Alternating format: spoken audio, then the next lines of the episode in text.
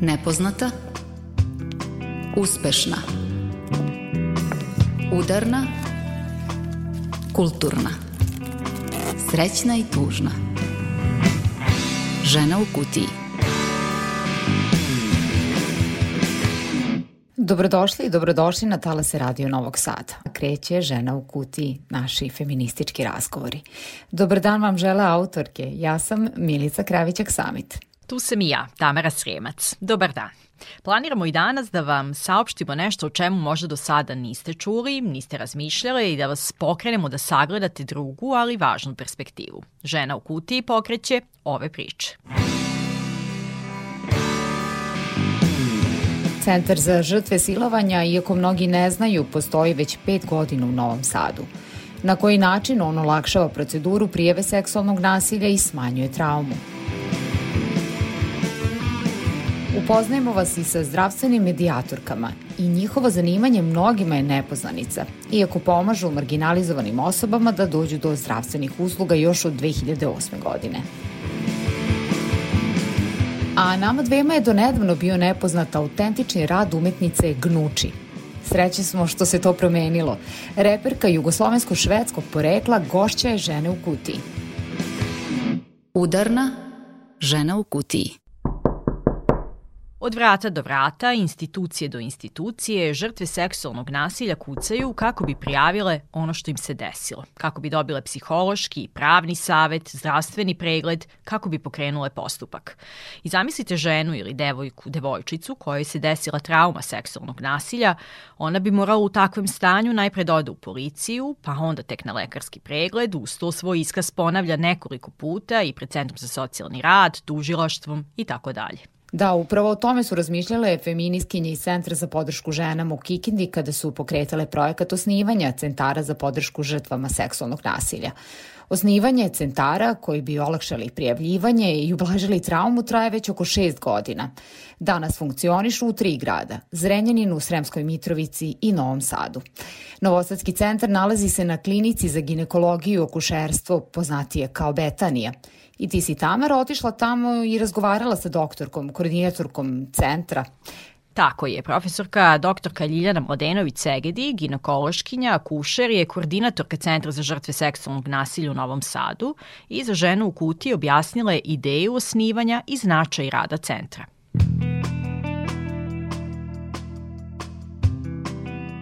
Ideja osnivanja Centra za žrtve seksualnog nasilja od samog starta je bila da se žrtva stavi u fokus, odnosno u centar dešavanja, znači da se sve institucije koje rade sa žrtvama seksualnog nasilja, prvenstveno mislim na policiju, tužilaštvo, Centar za socijalni rad, a naravno i lekare, kao i druge institucije, e, dovedu do žrtve, a ne da se žrtva kao što je dosadašnja praksa šeta kroz institucije. Smatramo da je to jedan od načina e, kako bi se smanjila dodatna traumatizacija i sekundarna viktimizacija žrtve. Takvog modela kojem se teži u praksi ipak nije došlo u potpunosti, ali od osnivanja centra u Novom Sadu januara 2017. došlo do brojnih unapređenja u radu koje ipak dovode do smanjenja traume kod osobe koja je preživela seksualno nasilje. Kao prvo na klinici za ginekologiju i akušerstvo posebno je izdvojena i opremljena prostorija koja je isključivo namenjena ženama koje su došle da prijeve seksualno nasilje. Znači kada žrtva dođe u našu ustanovu, ona se odmah upućuje u tu prostoriju i praktično potpuno izdvojena od ostalih pacijentkinja, odnosno ostali korisnica zdravstvenih usluga naše klinike. Ono što je takođe znači novina, to je da naš centar obezbeđuje 24 sata 7 dana u nedelji besplatnu psihosocijalnu podršku i pomoć ženama žrtvama seksualnog nasilja. Sa nama znači sarađuju savetnice, to su psihološkinje koje su edukovane za rad sa žrtvama seksualnog nasilja i koje praktično u momentu stupanja žrtve u centar bivaju pozvane, one dolaze i od samog starta rade sa žrtvama seksualnog nasilja, znači pruđaju im određenu psihološku podršku i pomoć i rade na njihovom osnaživanju i praktično ih prate tokom čitavog njihovog puta i prolaska kroz različite tako institucije. Samim tim, postupak prijavljivanja je ipak lakši i manje traumatičan. Kako to funkcioniše u praksi danas, objašnjava doktorka. Do tada smo mi praktično do 2017. godine žrtvu upućivali prvo u policiju, pa onda tek kad dobijemo nalog tužioca, žrtva dolazi u zdravstvenu ustanovu. Sada naravno više to nije slučaj. Svaka žrtva seksualnog nasilja može znači, da dođe da direktno kod nas i da prijavi nasilje. Mi je zadržavamo u prostorijama centra, e, direktno telefonski obaveštavamo ili inspektora za maloletničku delikvenciju ako je pitanju maloletno lice ili inspektora za krvne delikte ako je pitanju punoletna osoba. Oni dolaze kod nas u centar, obavljaju razgovor sa žrtvom, zadim obaveštavaju tužioca i praktično tek po dobijanju naloga za veštačenje mi vršimo ginekološki pregled i veštačenje silovanja. Tokom ovih pet godina kako radi centar, dr. Kaljena Mladenović Segedi saradnju sa tužilaštvom ocenjuje kao izuzetnu. Iz godine u godinu se napređuje saradnja i sa drugim institucijama, ali i dalje smo daleko od ideala koji podrazumeva da sve institucije dolaze žrtvi, a ne žrtva institucijama.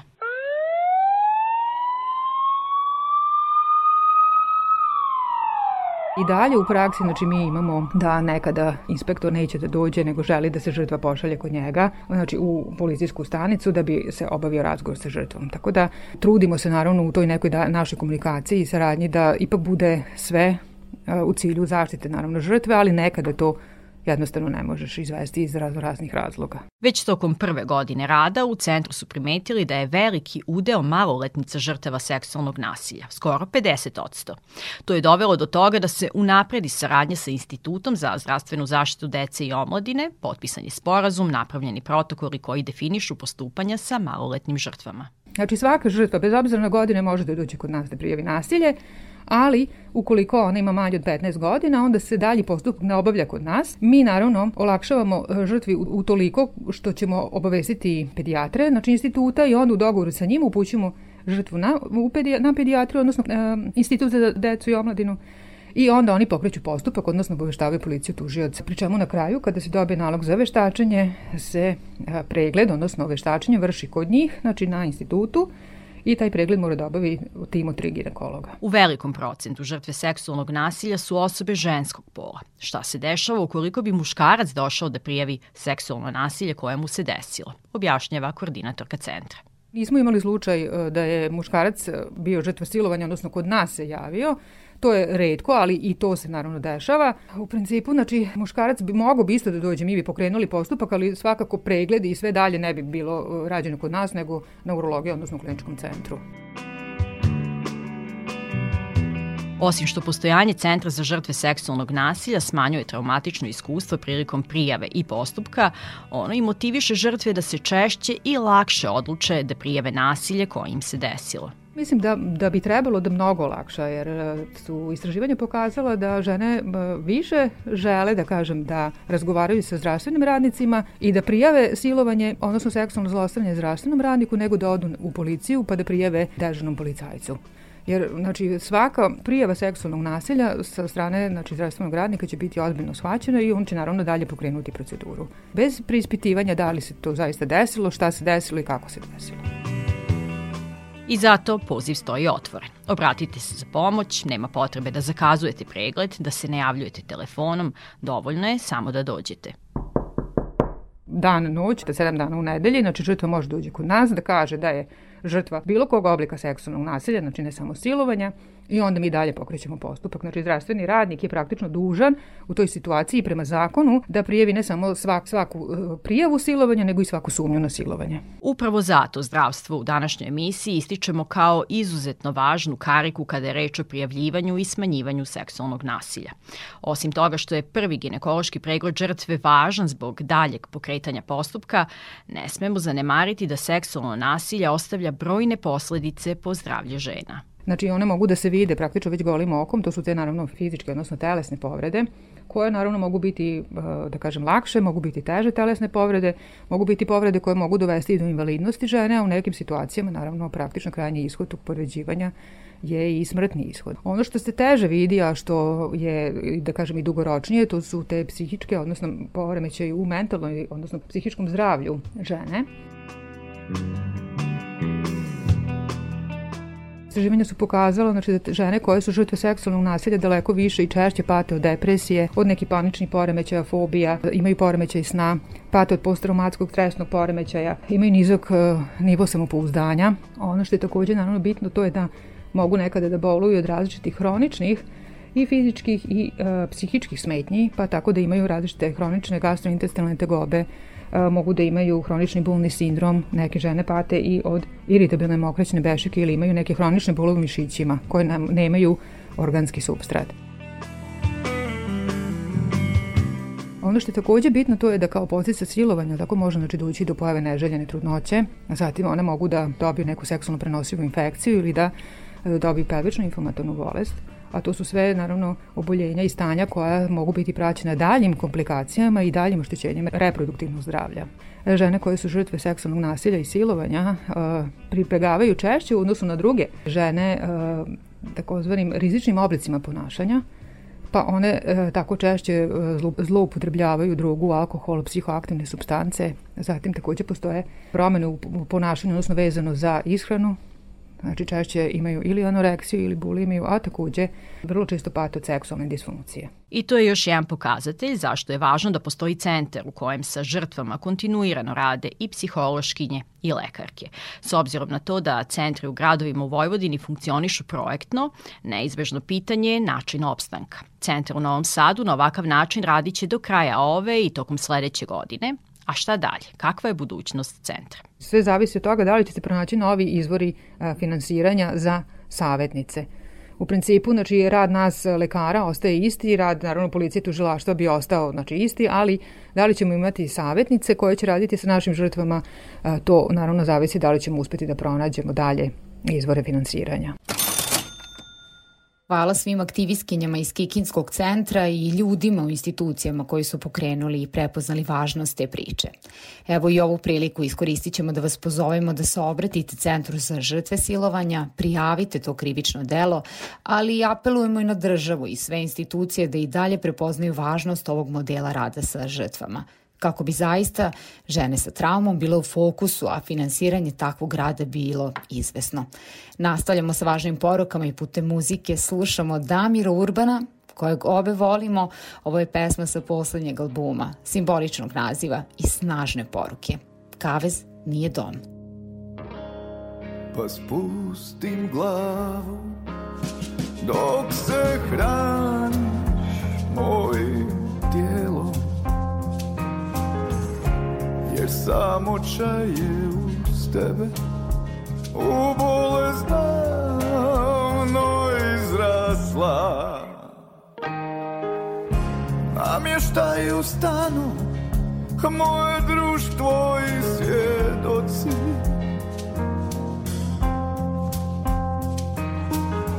Kroz hrpe posuđa vidim svoj pravi odraz. Uvodi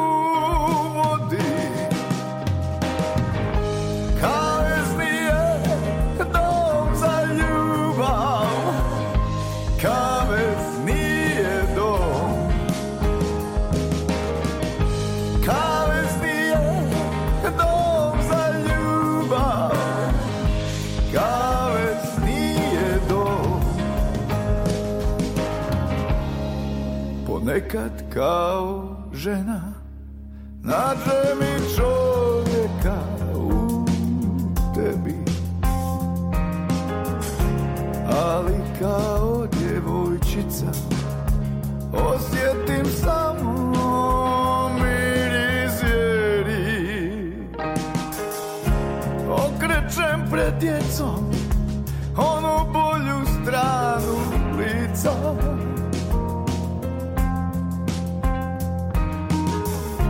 Za mnom idu dvije sjene Sluškinja i ptica. Oh,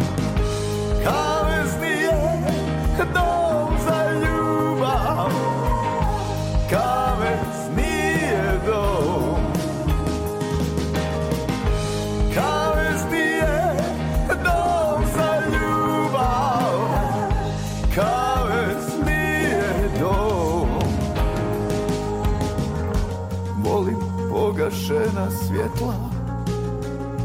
Tako bolje promatram tamo. Noća skidam svoje ruke Odlažem noge, srce, glavu. Neka dočekate rupa Prazna crna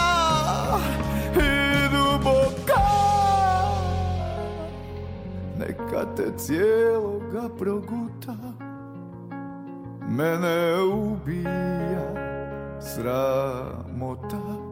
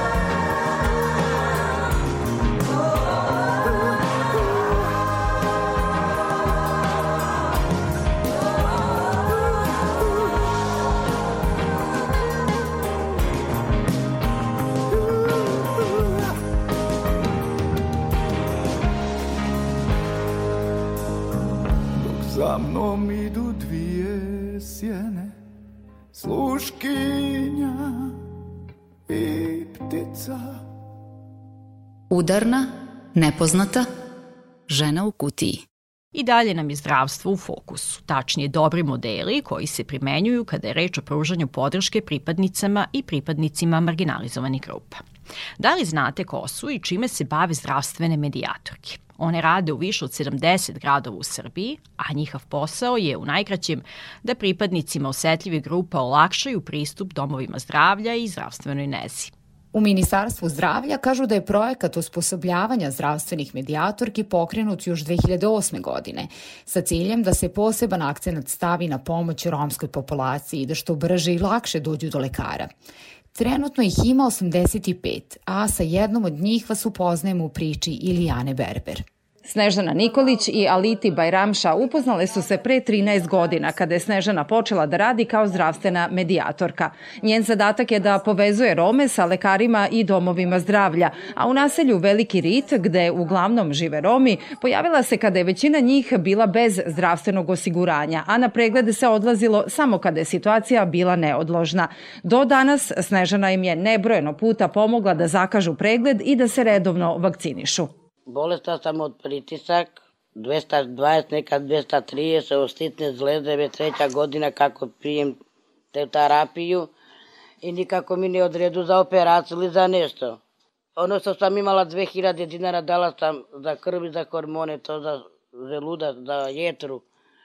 Pa sad ne znam, ne razumem što je taj rezultat ili da je prismena sam. Ako žena nije bila više ili dve godine kod ginekologa, odmah i zakažem ginekološki pregled, javim joj e, kad ima ovaj e, termin, tako da vidim, gledam kad su deca vakcinisana po kalendaru vakcinacije, a ako je fali koja je vakcina, onda im zakažem e, vakcinu kod e, njihovog pedijatra. Zdravstvena medijatorka ima zadatak da u toku jednog dana poseti pet porodica, a do sada je oko 147.000 Roma koristilo njihove usluge.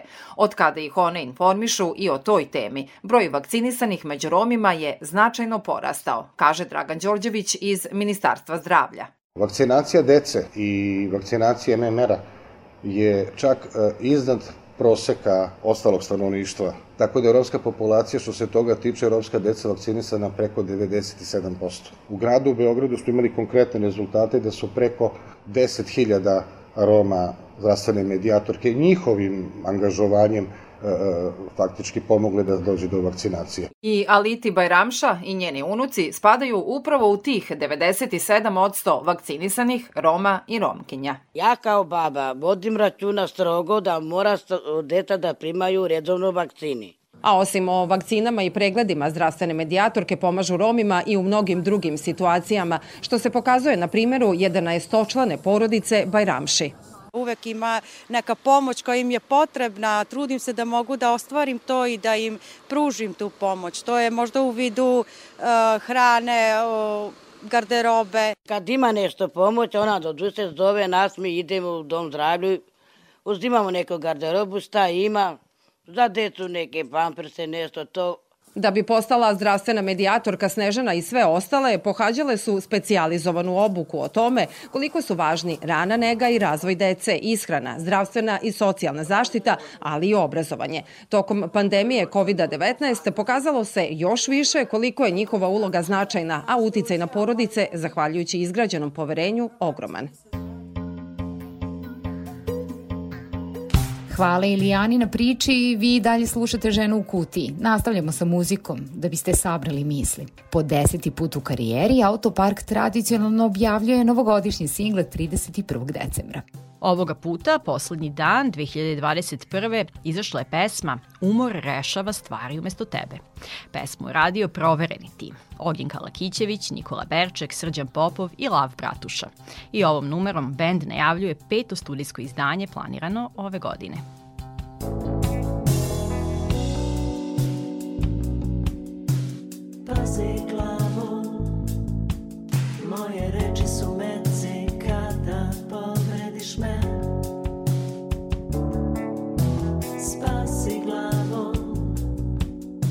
Možda dosadna sam, Kada sam besna, bit ću bolja, trošim se za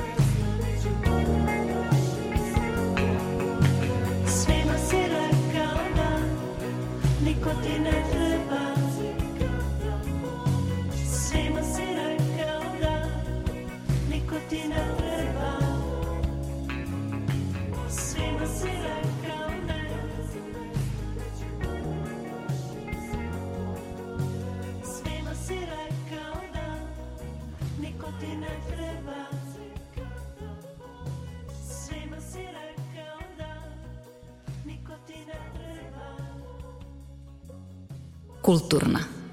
Uspešna. Žena u kutiji.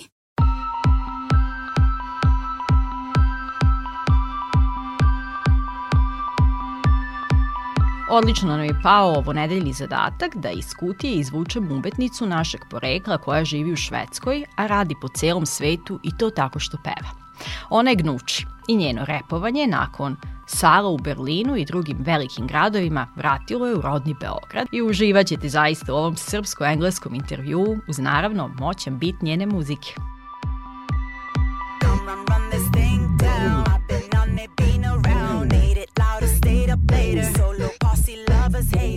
Kakvi su tvoji utisci, sveže si došla iz e, Srbije, je li bio dobar vibe, je li može da se meri sa nečim u Berlinu ili negde drugde, koje su tvoje impresije iz Beograda?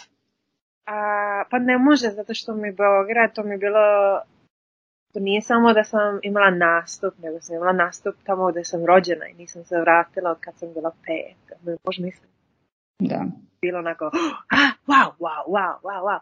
I ja sam počela da praviti muziku, ma pravim ja muziku kao da sam još dete jedno, ako me razumeš, kada sam mala devojka i ja sam znaš, u mojoj sobi i pravim ples sa mojom malom sestrom Tijanom i, i ta, ta, ta mala devojčica i onda počela praviti muziku i ta muzika je počela bi ono, ljudi su prihvatili to i onda mi je sad posao. I sada se vratim tamo gde je sve počelo, ma uf, srce mi je bilo puno, a nije bilo puno ljudi. To su, to mi bilo interesantno, zato što meni to, oni što trebaju tamo biti, oni su tamo. I to sam se ja rano naučila kao, kao live performer. Ti ne pevaš za oni što nisu tamo, ti pevaš za oni što jesu.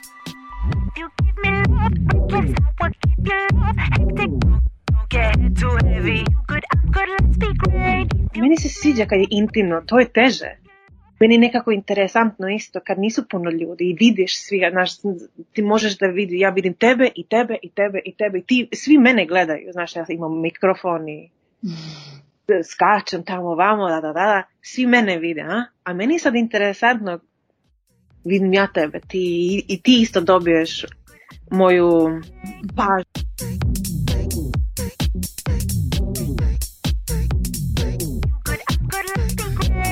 Gnuči se sa pet godina sa porodicom ocelila u Švedsku. Ove godine je prvi put došla nazad u svoj Beograd. Naravno da u odnosu na druge turneje koncert u rodnom gradu izaziva više emocija, a specifična je i porodična pratnja. Da, trebala sam ja doći u Novi Sad i Novi Sad nisam nikad bila ja, čula sam puno stvari, nešto sestra mi tu bila, drugarica mi je tu isto bila i baka ima priča o Novi Sada.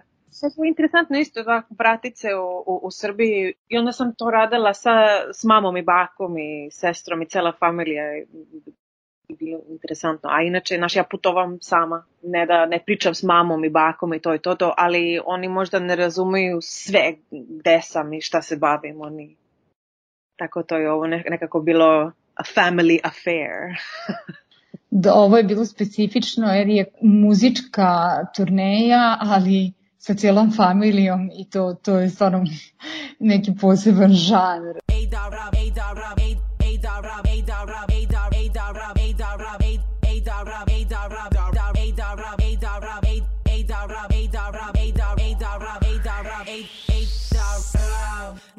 Da, što nisi gradila stil nekako ni na onom što je tipično za jednu, drugu ili treću kulturu, pošto si pod uticajem kao i svi mi globalno ono nekog američkog kao kulturnog koda ili kako god, engleskog. I verujem da se ti zbog svega toga, tog bogatog iskustva kulturološkog e, pronašla stvarno neku autentičnost, ali jako je zanimljivo to što kažeš. To ne pripadanje nigde, to, to je genijalno. E, to to, Milica, osjećam se sad kao da si me da me, I feel seen. pa to, isto na engleskom, briga me, tako, i, i zato, ja mislim, i tako mi isto sloboda, zato što na našem imam, imam neku kulturu i na švedskom imam neko drugo, ali tu u, na, na engleskom sloboda. Mm -hmm, to se oseti, a kako se onda osjećaš kada neko kaže, ej, baš ličiš na mm, Missy Elliot, kao you're Swedish Missy Elliot, to je Weiss napisao. Da li neka komparacija prija i da li to čitaš kao kompliment? Razumem da je to lakše, znaš, ono moraš prihvatiti nešto što je novo, onda stavi nešto što znaš, razumem.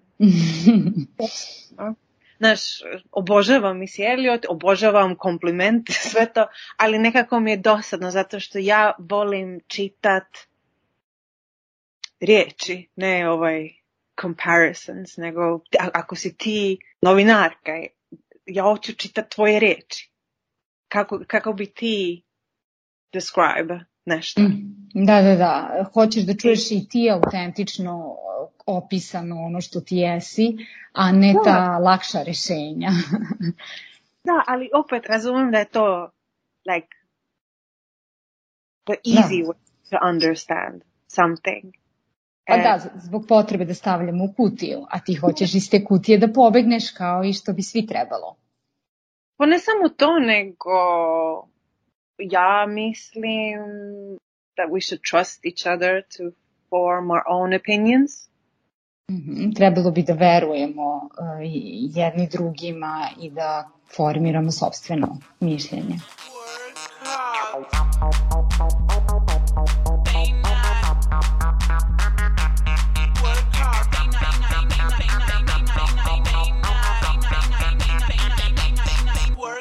Ana Rab ili umetnički Gnuči sama piše i izvodi svoju muziku. Osim toga kreira i svoje video spotove koje najčešće na kraju snima sa prijateljima. Za pesmu Work spot je nominovan za nagradu muzičkog video festivala u Los Angelesu. Work hard, get paid, pay bills, stay broke, dream hard, work on, wake up at dawn, alarm, stay monotone, go on, live fast. Prvo, taj video sam napravila sa najbolju drugaricom Roxy Farha. Najveći radost sa ovim procesima, pravite ovi klipovi i, i muziku i, i nastup, je da radim sa, sa ljudima što smo i prijatelji. Teško je, mi, mi puno radimo i imamo velike misle, znaš, nije samo ono, ajde da izgleda cool, na, to je jedan stvar. Ovo, ako gledate klip Work, što smo ja i Roxy napravili, ma to je, to, to je baš uh, super klip, ono, aesthetically.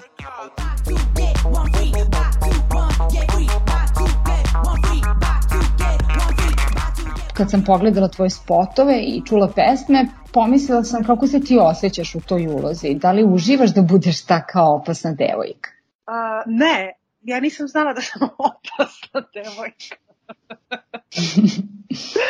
to mi je non stop čudno. Ovde sam, ovde nisam odavde i onda kad se vraćam tamo odakle sam, nisam oda, da, da. I, I tu muziki imam takav, e, kako se kaže, taka sloboda. Ne osjećam se opasna, ali o, osjećam se slobodna u mojoj muzici. I potpuno si autentična. To dolazi verovatno upravo iz toga što kažeš.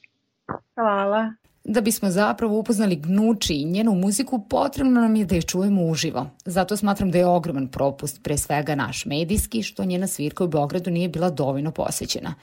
Imamo priliku da ispravimo nepravdu do novog datuma novosadske svirke te švedsko-jugoslovenske reperke, kako je strani mediji predstavljaju. My main priority is just to be an experience. Ja mislim, zato mi je ovaj koncerti, nastupi e, najbitniji. Tu sam najbolja.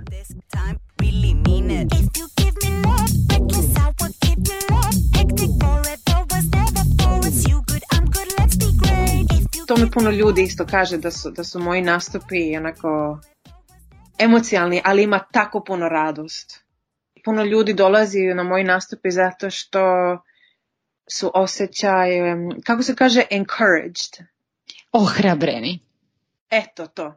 To najviše dobijem kao komplimenti. Ti komplimenti nakon svirke, reči podrške, pitanja stižu Ani uglavnom preko društvenih mreža, što je dobar način da proveri svoje umeće i da održi kontakt sa publikom. I tako su dragi, zato što pitaju kako si, jer si živa, e, ne znam ako si otpustila muziku, ali e, nedostaješ mi. Ma to je tako drago. Možda mislite da imam ja ljudi tamo ovamo, nisam nikad strela, a oni misle na mene zato što sam napravila muziku.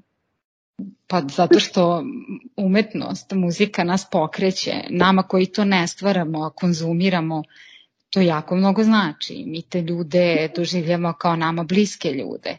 To znači da radiš dobar posao. Da, ja osjećam da, da, da radim dobar posao, zato što se vidi u, u ovim što slušaju moju muziku i ovi što mi pošalju poziv za, za nastup i ljudi što dolaze na nastup, onda osjećam, ok, ok, ok, uh, dobra sam. Ta super žena, feminiskinja, u čiju muziku baš lako možemo da se zaljubimo, pogotovo ako smo među onima koji vole dobru žurku. Peva na engleskom jeziku i neretko iskazuje svoje stavove u društvu u kom živimo. Radi preciznosti, Ana je želela da naredna pitanja odgovori na engleskom.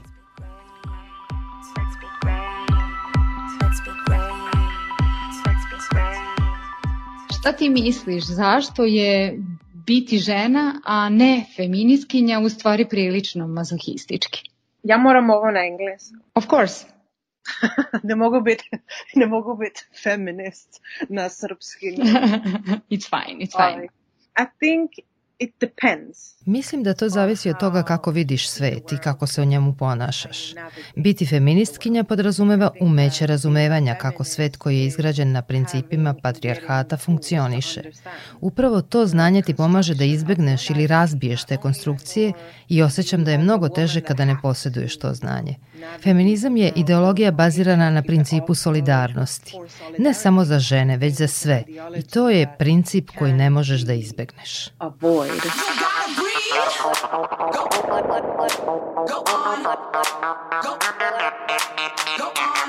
Ona smatra važnom i neupitnom feminističku ideologiju, a u kapitalizmu za medije izjavljivala sanjem da budem deo sistema koji je brižan, koji funkcioniše s radošću i služi nečem boljem i većem nego kapitalizam.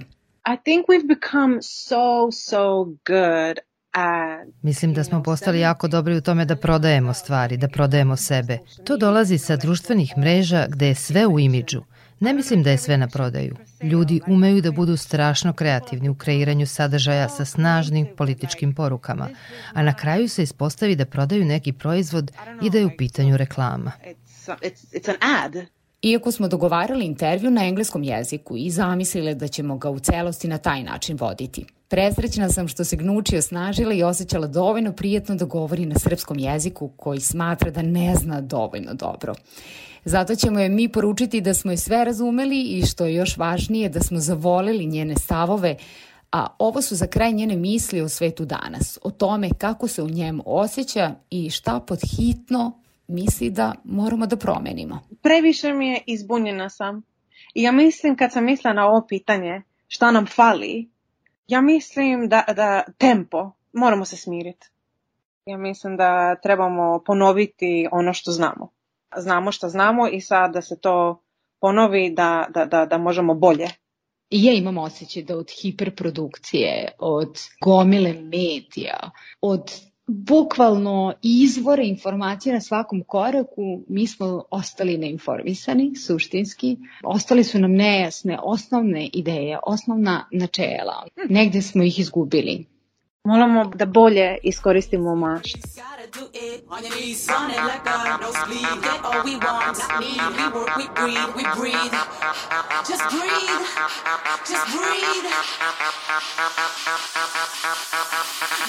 breathe.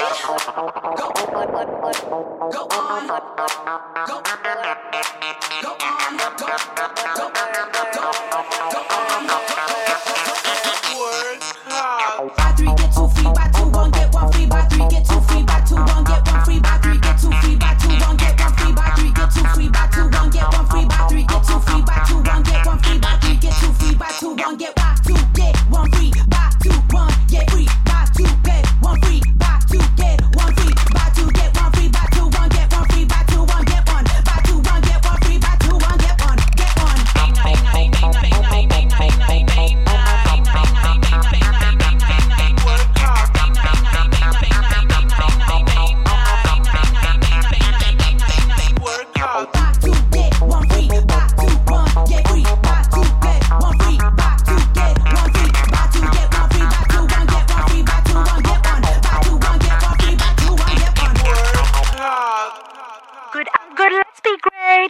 Zaista autentično i glasno progovara Gnuči, a sad će kroz muziku da progovori i grupa Artan Lili koja ima novu pesmu. Verovatno ste već i sami čuli jer je fin odjek imala u javnosti. U pitanju je duet sa Zoranom Kostićem Canetom iz Party Breakersa koji se zove Rock'n'Roll posle rock'n'rolla. Ponovo smo radili nešto drugačije od očekivanog i ovo je prvi od pet novih singlova napravljenih sa ekipom sa scene, kaže Bojan Slačala, frontman Artan Lilija. Inače, ovo je šesti singl sa prestojećeg studijskog albuma koji će biti objavljen za PGP RTS. Uz rock and roll posle rock and rolla odjavljuje se tim emisije Žena u kutiji. Sa vama su bile Tamara i Milica, a za ton je zadužen naš kolega Damjan Šaš. Ponovo smo u etru za dve sedmice. Hvala vam na pažnji i doviđenja.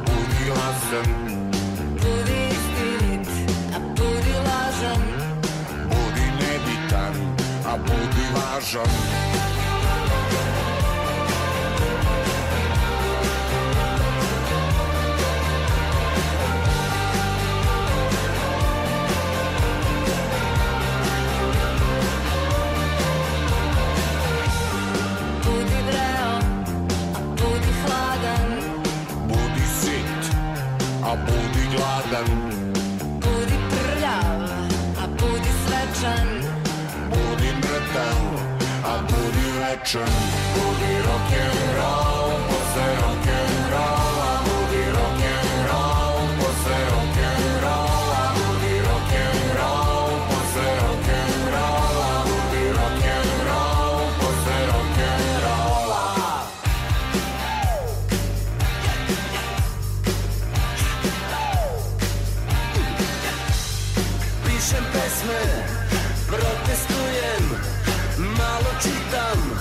mnogo psujem Pušim pljuge, sebe trujem Ništa živo ne poštujem Živim rock'n'roll